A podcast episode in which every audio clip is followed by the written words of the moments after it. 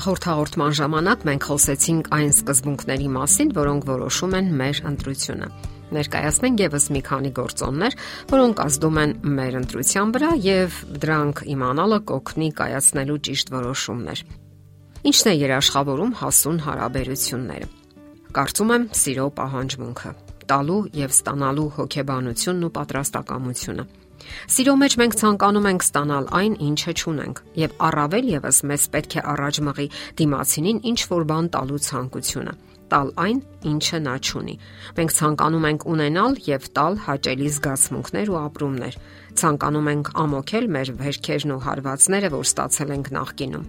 Սակայն մեծապես ակնկալելով, որ ինչ որ մեկը կարող է լրացնել մեր այն պակասը, ինչը չենք ստացել ժամանակին, մենք կարող ենք լրջորեն հուսախապ լինել։ Նման դեպքերում են հաճախ տեղի ունենում տարիքային անհամապատասխան ամուսնությունները, երբ տարբերությունը հասնում է 10 տարու եւ ավելի։ Զույգը այս դեպքում ցանկանում է ստանալ եւ սեր, եւ քնքշություն, եւ խստություն, որ չի ստացել իր ժամանակին։ Սակայն առավել հավանական է, որ նման ամուսնությունները երկար կյանք չեն ունենա, կամ կապրեն միասին երկար տարիներ առանց խոր եւ լուրջ հարաբերությունների ու զգացմունքների հարկավոր է խոր մտորել ընտրության հիմնախնդրի մասին։ Պատրաստ լինել կյանքի ամենակարևոր ընտրություններից ու որոշումներից մեկին։ Այդ ընտրությունը ձեր կյանքի կարևոր մասն է, եթե ոչ ամենակարևորը, որ իր հետքն է թողնում մնացած ամեն ինչի վրա։ Հասկացեք ձեզ եւ ձեր ներքին ապրումներն ու որոնումների դրդապատճառները հասկացեք դիմասիններին։ Ձեր անելիքը կթեթևանա, եթե ունենաք որոշակի չափորոշիչներ Օրինակի համար դուք գիտեք, որ ալկոհոլ օգտագործող երիտասարդը հավանական տեխնացու չի կարող լինել ձեզ համար։ Ալկոհոլը եղել եւ մնում է թե ամուսնական հարաբերությունների եւ թե ընդհանրապես գոյություն ունեցող հիմնախնդիրների ամենագլխավորներից մեկը, որքան էլ դիմացինը խոսի իր ճափից եւ տոնորերին մեկ բաժակ խմելուց այն եղել եւ մնում է ճարիք բոլոր ժամանակներում ու բնագավառներում։ Նույնիսկ այն, որ խմողը քայքայում է իր առողջությունը եւ ոչ ուրիշի, նախադրյալներ է ստեղծում այն բանի համար, որ նրա ընտանիքը կզրկվի նրա ներկայությունից գոյություն ունեն այլ չափորոշիչներ եւս, որոնք հատուկ են միայն ձեզ, եւ ովքեր չեն անցնում այդ ֆիլտրով, կարող են դուրս մնալ ձեր ընտրության ցուցակից։ Հասկանալի է նաեւ այն, որ դուք չեք կարող գտնել կատարյալ մեկին, ով համապատասխանում է կողակցի ձեր իդեալին։ Այս դեպքում դուք պետք է պատրաստ լինեք հարմարվելու եւ նրան ընդունելու հենց այդպիսին։ Ինչպես նա է ընդունում ձեզ։ Ձեր բոլոր դրական ու բացասական որակներով։ Բոլորն էլ ցանկանում են հասկացված լինել, այնպես ինչպես հասկանում էին իրեն ընտանիքում բոլոր հարազատները, երբ հասկանում ու բավարարում էին հոգեբանական ու սոցիալական պահանջմունքները։ Եվ հատկապես, եթե մանուկ հասակում չենք ստանում այդ պահանջմունքների բավարարումը, ձգտում ենք ստանալ հետագայում Իսկ եթե ծնողները չեն կարողացել տալ բավարար չափով քնքշություն ու ջերմություն, մարդը կարող է հուզական կախվածության մեջ ընկնել դիմացինից։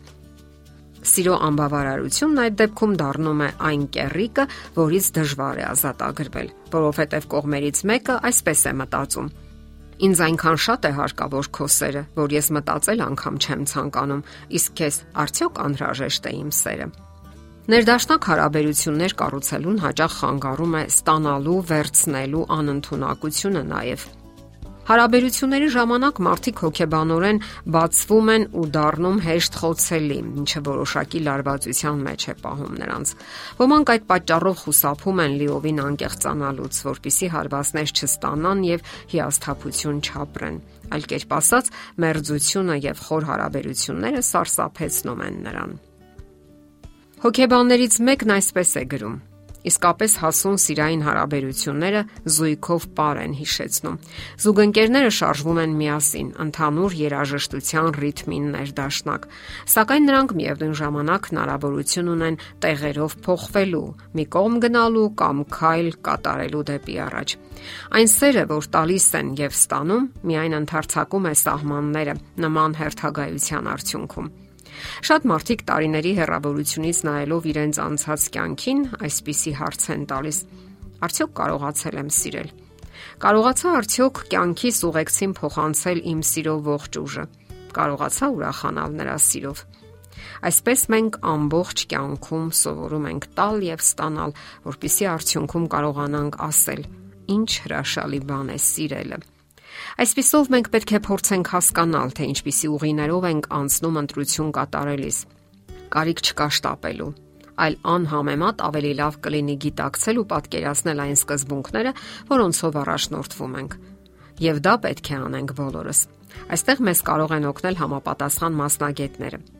Ու թեև հնարավոր են նաև վրիպումներ ու բացթողումներ, սակայն հասկանալով այն, ինչ ապրում ենք ու զգում այդ ընթացքում, մենք կարող ենք իսկապես ճիշտ որոշում կայացնել եւ հետագայում էլ չենք մեղադրի ոչ մեկին։